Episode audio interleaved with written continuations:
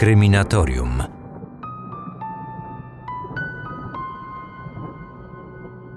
Tylko nie otwieraj drzwi nieznajomym. Założę się, że każdy z Was w swoim życiu słyszał te słowa i to wielokrotnie. Pewnie też często ostrzegaliście w podobny sposób swoich bliskich. Powiem Wam, że gdy ja oglądam się jakichś reportaży kryminalnych, w których pojawia się właśnie ten motyw, to też łapię się na tym, że gdy ktoś zadzwoni do moich drzwi, to zanim je otworzę, spoglądam w wizjer ze znacznie większą przezornością niż zazwyczaj. Wiecie, nie chcę teraz nikogo specjalnie straszyć, ale niestety zdarza się, że przestępcy wykorzystują także i taką metodę i mogą wejść do naszych mieszkań podstępem. No bo co to za problem ubrać czapeczkę z logo firmy kurierskiej albo nałożyć na siebie roboczą kurtkę, w której wygląda się jak typowy fachowiec? Każdy może to zrobić, a to w wielu przypadkach wystarczy, aby wejść na chwilę do środka. Dziś chcę opowiedzieć właśnie o takiej sytuacji. O przebierańcach, którzy wykorzystując podstęp, wdarli się do pewnego mieszkania na śródmieściu w Warszawie. I nie myślcie proszę, że takie sytuacje nie zdarzają się obecnie. Pamiętacie moją zapowiedź z poprzedniego odcinka? Tak, chodzi o program kryminalne Akta Inspektor Biskupskiej na CBS Reality. To właśnie za sprawą tego programu ten temat napadów rabunkowych i zabójstw dokonanych w mieszkaniach ofiar chodzi mi ostatnio po głowie. Jeden z odcinków tej serii, a dokładniej trzeci epizod, dotyczy właśnie tego problemu. Wy będziecie mogli zobaczyć ten odcinek za tydzień w poniedziałek, czyli 15 listopada o 22. Prowadząca Grażyna Biskupska przedstawi sprawę z 2002 roku, kiedy to w swoim mieszkaniu została zamordowana starsza mieszkanka Warszawy. Zginęła tylko dlatego, że zaufała pewnej młodej osobie i chciała jej pomóc. Ta sprawa powinna być dla nas przestrogą. Powinniśmy uczulić naszych dziadków lub mieszkających samotnie rodziców na tego typu zagrożenia. Przypominam, kryminalne akta inspektor biskupskiej w każdy poniedziałek o 22 na CBS Reality. A odcinek dotyczący tej sprawy, o której wspomniałem przed chwilą, na antenę trafi 15 listopada o 22. Zachęcam do włączenia stacji w poniedziałkowe wieczory. Otwieramy akta tajemnic. Zacznę od przedstawienia sylwetki Andrzeja L. Jak się pewnie domyślacie, to nasz antybohater na dziś, ale zanim przejdziemy do tego zabójczego epizodu jego życia, musimy go trochę lepiej poznać, prawda?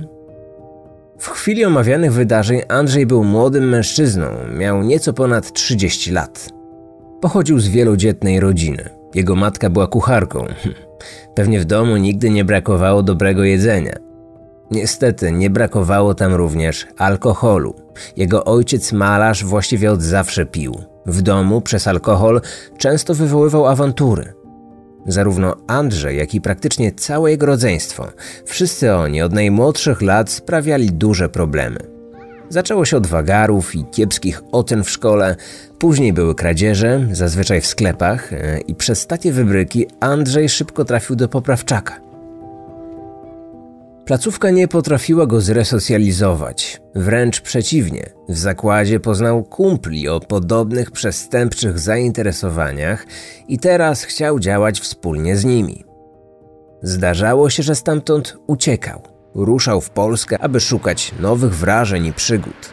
Oczywiście w trakcie podróży potrzebował pieniędzy. Wspólnie ze swoimi kompanami szukał więc możliwości, aby coś ukraść. I tak na przykład, gdy był już prawie pełnoletni, włamał się z kumplami do świetlicy na działkach w Szczecinie. Skok nie poszedł po jego myśli. Andrzej został zatrzymany i trafił za kratki na dwa lata. Posadzili go w zakładzie karnym w Iławie, jednak sprawiał tam mnóstwo problemów. Próbowali z nim rozmawiać, tłumaczyć, dostawał kary dyscyplinarne, ale nic nie pomagało. Andrzej zachowywał się tam tak źle, że zarząd zakładu karnego wystąpił o umieszczenie go w innym miejscu w celu odizolowania go od więźniów młodocianych, których bił, znęcał się nad nimi psychicznie i demoralizował. Przenieśli go więc do zakładu w Sztumie. Tam właśnie Andrzej dokończył swoją karę. Wyszedł na wolność w 66 roku i miał wtedy 20 lat. Najpierw trochę popracował. Znajdował jakieś dorywcze prace w różnych miejscach, ale był w takim wieku, że szybko upomniało się o niego wojsko. Rozpoczął więc służbę. E, niestety zbyt wiele o tym okresie jego życia nie wiem, ale skoro w zakładzie karnym sprawiał problemy, to możemy podejrzewać, że nie inaczej było także w wojsku. Tym bardziej, że gdy osiągnął już pełnoletność, to zapał do dokonywania przestępstw niestety u niego nie minął. Po jakimś czasie wyszedł na przepustkę. Wspólnie z kolegą pojechali do stolicy. Był kwiecień 69 roku. Słuchaj, a może by tak zdobyć jakąś kasę? Moglibyśmy się trochę zabawić na mieście. Wiesz co? Znam taki jeden adres. Mieszka tam jakaś babcia, zazwyczaj jest sama. Przejdziemy się do niej. Może odda nam trochę forsy. Jak wymyślił, tak zrobili. Wtargnęli do mieszkania 82-letniej kobiety. Byli bardzo agresywni. Pani Józefa, bo tak miała na imię właścicielka mieszkania, mocno ucierpiała. Złamali jej nos, żebra i dotkliwie pobili po głowie. Gdy straciła przytomność, zabrali z jej mieszkania właściwie wszystko, co uznali za wartościowe, czyli biżuterię i pieniądze głównie. A kobieta miała odłożoną całką dużą sumkę pieniędzy 7 tysięcy złotych. No tak, to były czasy, kiedy gotówkę często trzymało się w mieszkaniu. I tacy kryminaliści jak Andrzej doskonale o tym wiedzieli i chętnie z tego korzystali. Jeżeli jednak opowiadam wam o tym napadzie, no to pewnie domyślacie się już, że ten skok nie uszedł Andrzejowi na sucho. Za napad na panią Józefę usłyszał wyrok 6 lat więzienia. Wyszedł na wolność nieco wcześniej, na zasadzie warunkowego przedterminowego zwolnienia. Jeżeli myślicie, że teraz historia się powtórzy, że znowu, zaraz po opuszczeniu murów zakładu karnego, Andrzej zacznie szukać okazji do kolejnych napadów, no to muszę was zaskoczyć. Wyszedł na wolność w 73 roku i przez kilka najbliższych lat wiódł w miarę normalne życie, albo inaczej, wiele wskazywało na to, że istnieje szansa, że nie wróci już na przestępczą ścieżkę. Szybko znalazł pracę, ale równie szybko też ją zmieniał. Po krótkim czasie od podjęcia jakiegokolwiek zatrudnienia zazwyczaj przestawał przychodzić do pracy. No raz czy dwa szef mógł przymknąć na to oko, ale gdy powtarza się to regularnie, no nawet w PRL-u nikt nie chciał u siebie trzymać takiego niestabilnego pracownika. Andrzej nigdzie właściwie nie zagrzał miejsca na dłużej, ale jakoś przez pewien czas przynajmniej udawało mu się wiązać koniec z końcem. Znalazł też sobie kobietę, ożenił się z nią i ona urodziła mu dziecko. I gdy wszystko szło w coraz lepszym kierunku, okazało się, że Andrzej nie nadaje się jednak na głowę rodziny.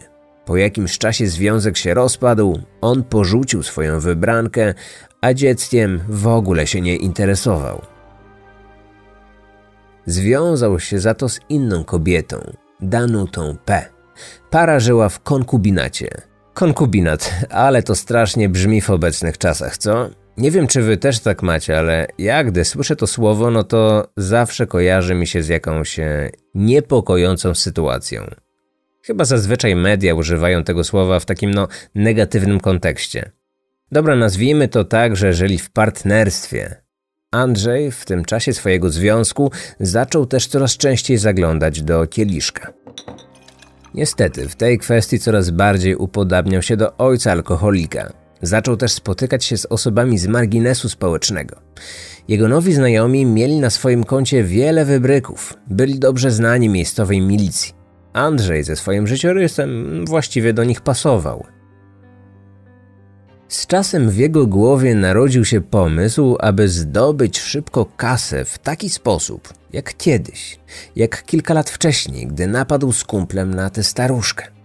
Wtedy mu się nie udało i szybko został złapany, ale teraz uważał, że jest w stanie przygotować napad tak precyzyjnie, aby odsunąć od siebie podejrzenia. Nie chciał przecież znowu trafić za kratki. Wierzył, że może to zrobić skutecznie. Zwierzył się z tego pomysłu swojej partnerce. Nie poklepała go za to po plecach, nie pochwaliła za stworzenie świetnego planu. Wręcz przeciwnie. Danuta zareagowała jak normalna, zdrowo myśląca kobieta i próbowała go od tego zamiaru odwieść. Nie udało jej się. Niestety, Danuta chyba nie miała daru przekonywania. Andrzej kilka dni wcześniej e, spotkał swojego młodszego o 12 lat brata. Miał na imię Zdzisław. Zaproponował mu, aby oni wspólnie dokonali tego skoku. Chciał znaleźć starszą kobietę, która w mieszkaniu będzie sama, tak aby zminimalizować ryzyko wpadki. Zdzisław nie zgodził się od razu. Musiał się z tym przespać, musiał trochę na ten temat pomyśleć, ale przy następnym spotkaniu oznajmił, że tak, że jest gotów, aby to zrobić. Andrzej miał już wtedy dokładny plan. Przygotował kurtki robocze i czapki, jakie noszą pracownicy przedsiębiorstwa wodociągów i kanalizacji. Mieli pozorować kontrolę grzejników, wejść do mieszkania i w razie zastania tylko jednej osoby w mieszkaniu dokonać napadu. Jak widzicie, a raczej słyszycie, wraz z wiekiem nasz Andrzej był coraz bardziej kreatywny. Wybrał na miejsce przestępstwa blok blisko centrum miasta, przy ulicy Chopina w Warszawie, a dokładnie klatkę 5A. Tam pod jednym z numerów mieszkała rodzina Purzyńskich. Nazwisko oczywiście zmieniłem. Andrzej kilka lat wcześniej u Purzyńskich odnawiał mieszkanie. Zwrócił wtedy uwagę, że ci ludzie są całkiem majętni. Uznał więc, że to dobra miejscówka na napad. Zaplanował napad na 10 marca 77 roku. Tego dnia, z samego rana, Andrzej spotkał się z bratem przy placu Starynkiewicza, czyli nieco ponad 2 km od planowanego miejsca ataku. Najpierw zaopatrzyli się, no tak, w pół litra wódki. Na odwagę. Później poszli do mieszkania Danuty, partnerki Andrzeja, która mieszkała na Okęciu. Tam chcieli ustalić ostatnie szczegóły. Wypili też przyniesiony trunek i zabrali się do działania. Mieli już przygotowane ubranie. Założyli na siebie robocze kurtki i czapki. Wyglądali jak prawdziwi fachowcy. Do torby spakowali też odzież, którą chcieli założyć już po całej akcji. A do napadu zaangażowali jeszcze jedną osobę. Był to zaledwie 16-letni chłopiec, Piotr, brat Danuty. Słuchaj, twoje zadanie będzie takie. My idziemy na napad, ty weźmiesz ze sobą torbę i będziesz na nas czekać w bramie ulicę dalej. Gdy będzie po wszystkim, przyjdziemy do ciebie, zmienimy ubrania i spadamy. Jasne? Nie zapomnieli też o jakże ważnych rekwizytach. Jakiś notes, coś do pisania, no i oczywiście drobne narzędzia, jak to przystało na fachowców.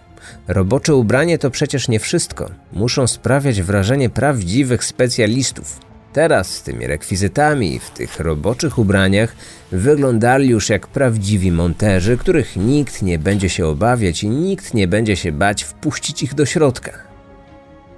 Krótko mówiąc, wzbudzali zaufanie.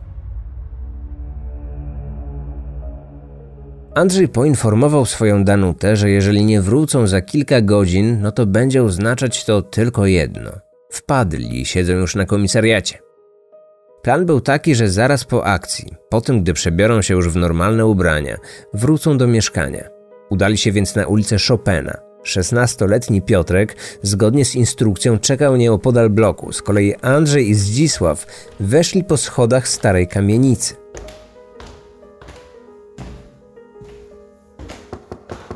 Drzwi otworzyła im pani Purzyńska.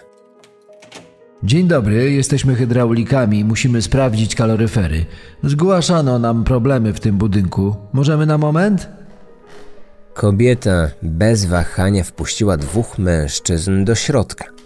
Bracia zaczęli rozglądać się po całym mieszkaniu. Pozorowali sprawdzanie grzejników, ale jednocześnie analizowali sytuację. Mieszkanie rzeczywiście było bogato urządzone. Już na pierwszy rzut oka było widać, że należy do majętnych osób. Andrzej pomyślał nawet, że teraz kosztowności może być jeszcze więcej niż kilka lat wcześniej, gdy odwiedził to miejsce za sprawą prawdziwej, uczciwej roboty. Idealne miejsce na napad. Tego właśnie oczekiwali ci fałszywi monterzy. Był tylko jeden problem. Starsza kobieta uprzedziła ich, aby nie wchodzili do jednego z pomieszczeń, bo mogliby obudzić śpiącego tam syna.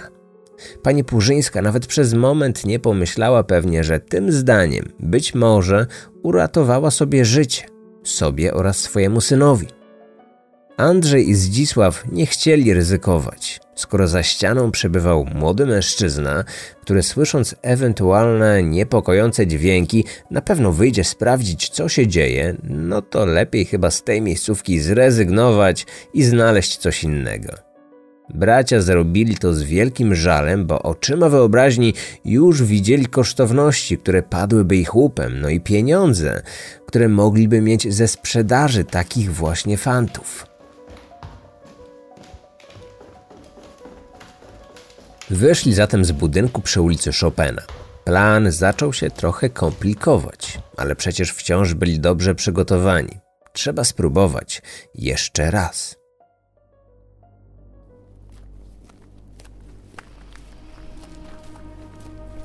Poszli kilkaset metrów na ulicę Piękną.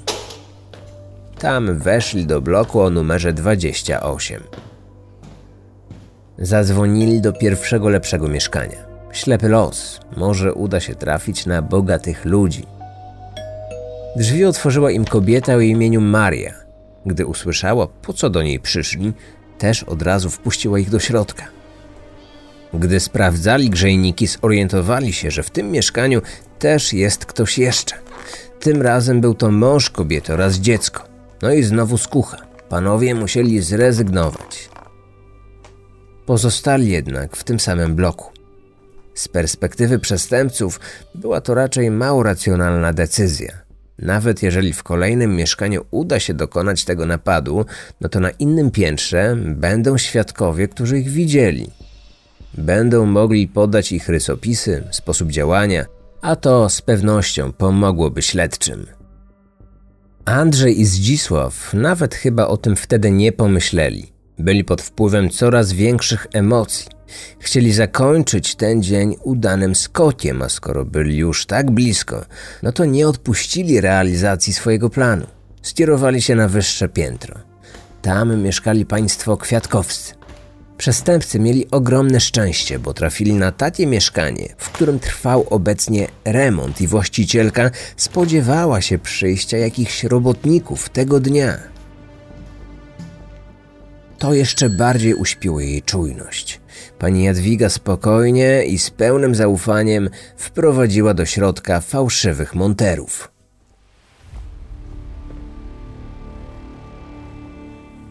Bracia zaczęli oczywiście od pozorowania sprawdzania grzejników. Nie zapytali od razu, czy kobieta jest tam sama. To mogło wydać się trochę podejrzane. Obeszli wszystkie pomieszczenia, zapisując pomiary w swoim notesie. Gdy byli już pewni, że w domu nie ma nikogo więcej, dali sobie znak, aby przystąpić do działania. Wracając z przedpokoju, ustawili się w taki sposób, że pierwszy szedł młodszy z braci, Zdzisław. Za nim była właścicielka mieszkania, a na samym końcu szedł Andrzej. Kobieta była więc w potrzasku. W wąskim korytarzu nie miała szansy na ucieczkę. Z dwóch stron otaczały ją ściany, a z przodu i z tyłu stał silny mężczyzna, gotowy ją zabić, albo przynajmniej obezwładnić lub unieruchomić. Zdzisław dał znać bratu, aby zaczął. Andrzej, stojąc od tyłu, prawą rękę zarzucił na szyję kobiety i zacisnął jej krtań. Później nazywał ten chwyt na krawat. Lewą dłonią zakrył jej usta. W tym momencie do kobiety doskoczył Zdzisław. Zaczął wiązać jej nogi. Pani Jadwiga była kompletnie zaskoczona i przerażona. Napastnicy zadziałali tak szybko, że ona nie zdążyła się nawet zorientować, co tak naprawdę się dzieje. Byli zbyt silni, aby podjąć wobec nich jakiekolwiek działanie. Nie miała nawet szans, aby krzyknąć, aby wezwać pomoc, a co dopiero oswobodzić się z silnego uścisku. Gdy miała już związane nogi, Andrzej nakazał bratu zarzucić na jej twarz wiszący w przedpokoju ręcznik. Przez ten ręcznik zaciskał usta kobiety. Sznurem związali też jej ręce. Pani Kwiatkowska wtedy nie próbowała się już bronić. Gdy leżała tak obezwładniona, Zdzisław usiadł na niej okrakiem i obydwiema rękami zaczął ją dusić. Mężczyzna po chwili wstał, wszedł do łazienki, zdjął wiszący tam sweter i zakrył nim twarz kobiety. Okręcił luźno rękaw swetra wokół szyi ofiary i zawiązał na węzeł. Zerwał także słuchawkę z aparatu telefonicznego. W czasie późniejszych oględzin miejsca zbrodni słuchawka ta leżała na swetrze okrywającym twarz denatki. W czasie, gdy Zdzisław dokonywał tego zabójstwa, starszy brat plądrował mieszkanie. Chodził po różnych pomieszczeniach, przechodził też przez przedpokój, a więc miejsce zbrodni. Nie zareagował, nie powstrzymał młodszego brata. W mieszkaniu znalazł gotówkę, bony oszczędnościowe, kilka obrączek, pierścionków, a także trochę innej biżuterii. Zdzisław po wszystkim nie zapomniał także ściągnąć z ciała nieżyjącej już wtedy kobiety innych błyskotek, które miała na sobie. Sąd ocenił później wartość tych skradzionych przedmiotów na 130 tysięcy złotych. Mieli swój łup. Dokonali przy tym strasznej zbrodni, pomimo tego, że właściwie nie musieli tego robić. Mogli przecież jedynie związać kobietę, ewentualnie tylko ją ogłuszyć. Mogli pozwolić jej żyć. Po wszystkim spokojnie wyszli przed blok. Tam czekał na nich Piotrek. Polecili mu, aby szedł za nimi w pewnej odległości. Pierwsi weszli do bramy budynku przy ulicy Chorzej. Tam przebrali się w normalne ubrania, które Piotrek miał dla nich schowane w torbie turystycznej. Kurtki robocze, które wykorzystali do napadu, porzucili na schodach prowadzących do piwnicy. Wzięli ze sobą jedynie monterskie czapki, ale Zdzisław spalił je jakiś czas później. Teraz należało już tylko uczcić udany skok. No, panowie, nie było łatwo, ale udało się. Spisaliśmy się na medal. Zanim wrócimy do mieszkania, proponuję wejść jeszcze do kawiarni. W końcu nas stać. Tak też się stało. Emocje wciąż w nich buzowały, ale adrenalina powoli opadała. W tym lokalu, do którego się wybrali, wypili piwko. Na wynos wzięli butelkę wódki, z którą wrócili do mieszkania Danutę. Zwłoki w mieszkaniu odkrył listonosz. Kilka godzin po całej akcji zapukał do mieszkania Kwiatkowskich. Miał rentę dla pani Jadwigi. Nikt nie otwierał. Złapał za klamkę, drzwi nie były zamknięte na klucz. Wszedł więc do środka. Mąż i córka zamordowanej kobiety w tym czasie wciąż byli w pracy. Listonosz od razu zauważył leżące w korytarzu ciało. Zawiadomił milicję. Późniejsza sekcja zwłok wykazała, że przyczyną zgonu Jadwigi było uduszenie w wyniku silnego nacisku na szyję jakiegoś przedmiotu. Mogła być to słuchawka telefonu, którą znaleziono przy zwłokach. W czasie oględzin mieszkania bracia przeglądali już skradzione fanty i szacowali ich wartość. Młody Piotrek za pomoc w napadzie dostał 50 rubli i bon oszczędnościowy na 500 zł. Nie był to duży zarobek w porównaniu do łącznej wartości skradzionych przedmiotów, ale jak dla nastolatka to i tak była solidna kwota. Tym bardziej, że jego udział w napadzie był przecież stosunkowo niewielki. Na dobrą sprawę, no to bracia nie potrzebowali nawet specjalnie jego pomocy. Torbę z tymi ubraniami na zmianę mogli przecież ukryć gdzieś pod blokiem, w bramie albo w jakimś śmietniku. W mieszkaniu była także siostra Danuty. Andrzej wręczył jednej z kobiet skradziony wcześniej wisiorek ze znakiem zodiaku waga, a także 500 złotych. Te osoby na pewno wiedziały, że fanty pochodzą z kradzieży, jednak czy zdawały sobie sprawę, co tak naprawdę wydarzyło się w mieszkaniu? Czy wiedziały, że starsza kobieta została zabita? Trudno powiedzieć. Gdy Andrzej L. rozdzielił już najważniejsze fanty, pozostałe przedmioty owinął w szmatę i ukrył je w piecu w mieszkaniu. Dolary sprzedali pod sklepem Peweksu. Pozostałe przedmioty po upływie kilku dni wręczyli do sprzedania paserowi.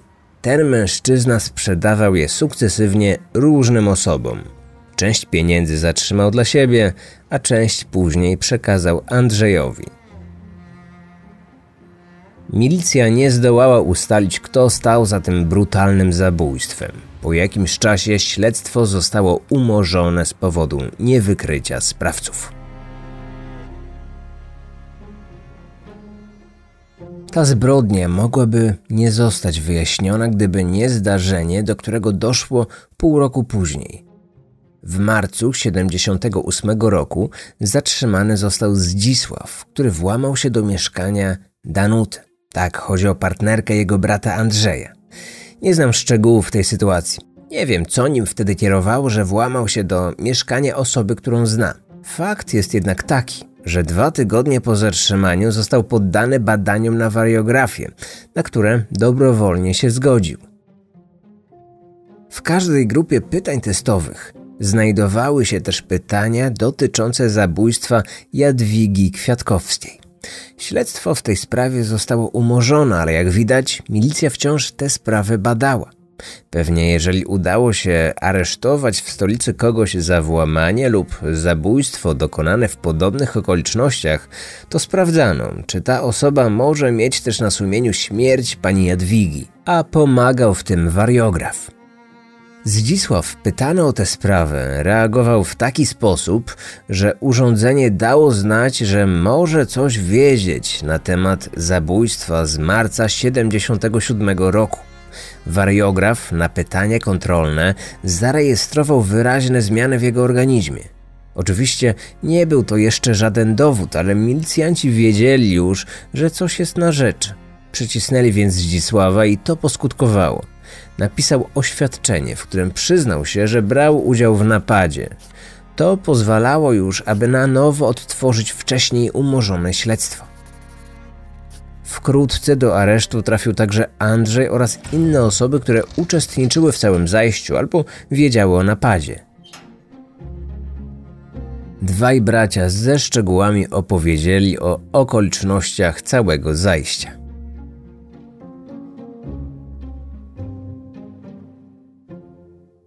Teraz trzeba było odpowiedzieć na pytanie, kto zabił tę kobietę. Najpierw obezwładnił ją Andrzej, to on zastosował ten chwyt przed ramieniem na szyję, zwany przez niego krawatem i równocześnie zatkał jej usta. Później wykorzystał do tego jeszcze ręcznik. Biegli uznali, że to mogło już spowodować stan agonalny. Później ofiarę przejął Zdzisław, uciskał jej szyję i zatkał usta. To pogłębiło zagrożenie utraty życia. Możliwe, że to właśnie ucisk słuchawką od telefonu na szyję sprawił, że kobieta przestała oddychać. Poszczególne fazy gwałtownego nacisku na to samo miejsce nakładały się w minimalnych odstępach czasu. Za takim wnioskiem co do przyczyny śmierci przemawia fakt, że już od chwili pierwszego chwytu przed ramieniem za szyję Jadwiga nie była zdolna do żadnych bardziej energicznych odruchów obronnych. Andrzej nie przyznawał się do zabójstwa. Potwierdził, że był w tym mieszkaniu i że razem z bratem dokonał tego napadu, ale jego zdaniem za śmierć tej kobiety odpowiadał młodszy, Zdzisław. Idąc tam, nie miałem zamiaru jej zabić. Chcieliśmy wziąć tylko pieniądze i kosztowności, bez śmiertelnych ofiar. Jednak to on był mimo wszystko głównym winowajcą. Zaplanował napad, przygotował się do tego i do swojego planu włączył inne osoby. Z drugiej strony, już po zatrzymaniu współpracował i chętnie opowiadał o przebiegu zdarzenia. To niewątpliwie przemawiało na jego korzyść. Sąd wymierzył mu karę 25 lat więzienia. Część z Was może pomyśleć, że to dosyć łagodny wyrok. Tym bardziej, że Zdzisław, młodszy brat, też został skazany na taki sam wymiar kary na 25 lat więzienia. Pomimo tego, że tak, po pierwsze był znacznie młodszy, dwa, wcześniej nie był karany, trzy, został w to wszystko wplątany przez swojego starszego brata, no i cztery, to dzięki niemu, jakby nie patrzeć, udało się tę sprawę wyjaśnić. To on jako pierwszy się do tego napadu przyznał. Co prawda niedobrowolnie, bo pomogło w tym badanie wariografem, ale jednak. Ta kwestia wzbudziła spore kontrowersje. Andrzej był w końcu recydywistą. Od najmłodszych lat przebywał w poprawczakach. Był karany za bardzo podobne przestępstwo. Właściwie wtedy, przed laty, to niewiele brakowało, aby jego ofiara nie przeżyła. Gdy był w więzieniu, to też zachowywał się źle. Wszystko przemawiało właściwie na jego niekorzyść. I ten człowiek usłyszał taki sam wyrok jak jego młodszy brat 25 lat. Rewizję od tego wyroku wniósł prokurator, który uważał, że Andrzej powinien zostać skazany na najwyższy wymiar kary, czyli na śmierć. A wtedy, w latach 70., nie było nic pomiędzy. Albo 25 lat, czyli ćwiara, mówiąc żargonem, albo kara śmierci, czyli KS. Prokurator wniósł rewizję od tego wyroku, którą Sąd Najwyższy uznał za słuszną. Kara dla Andrzeja została zmieniona z 25 lat więzienia na karę śmierci. Z kolei kara dla Zdzisława pozostała bez zmian.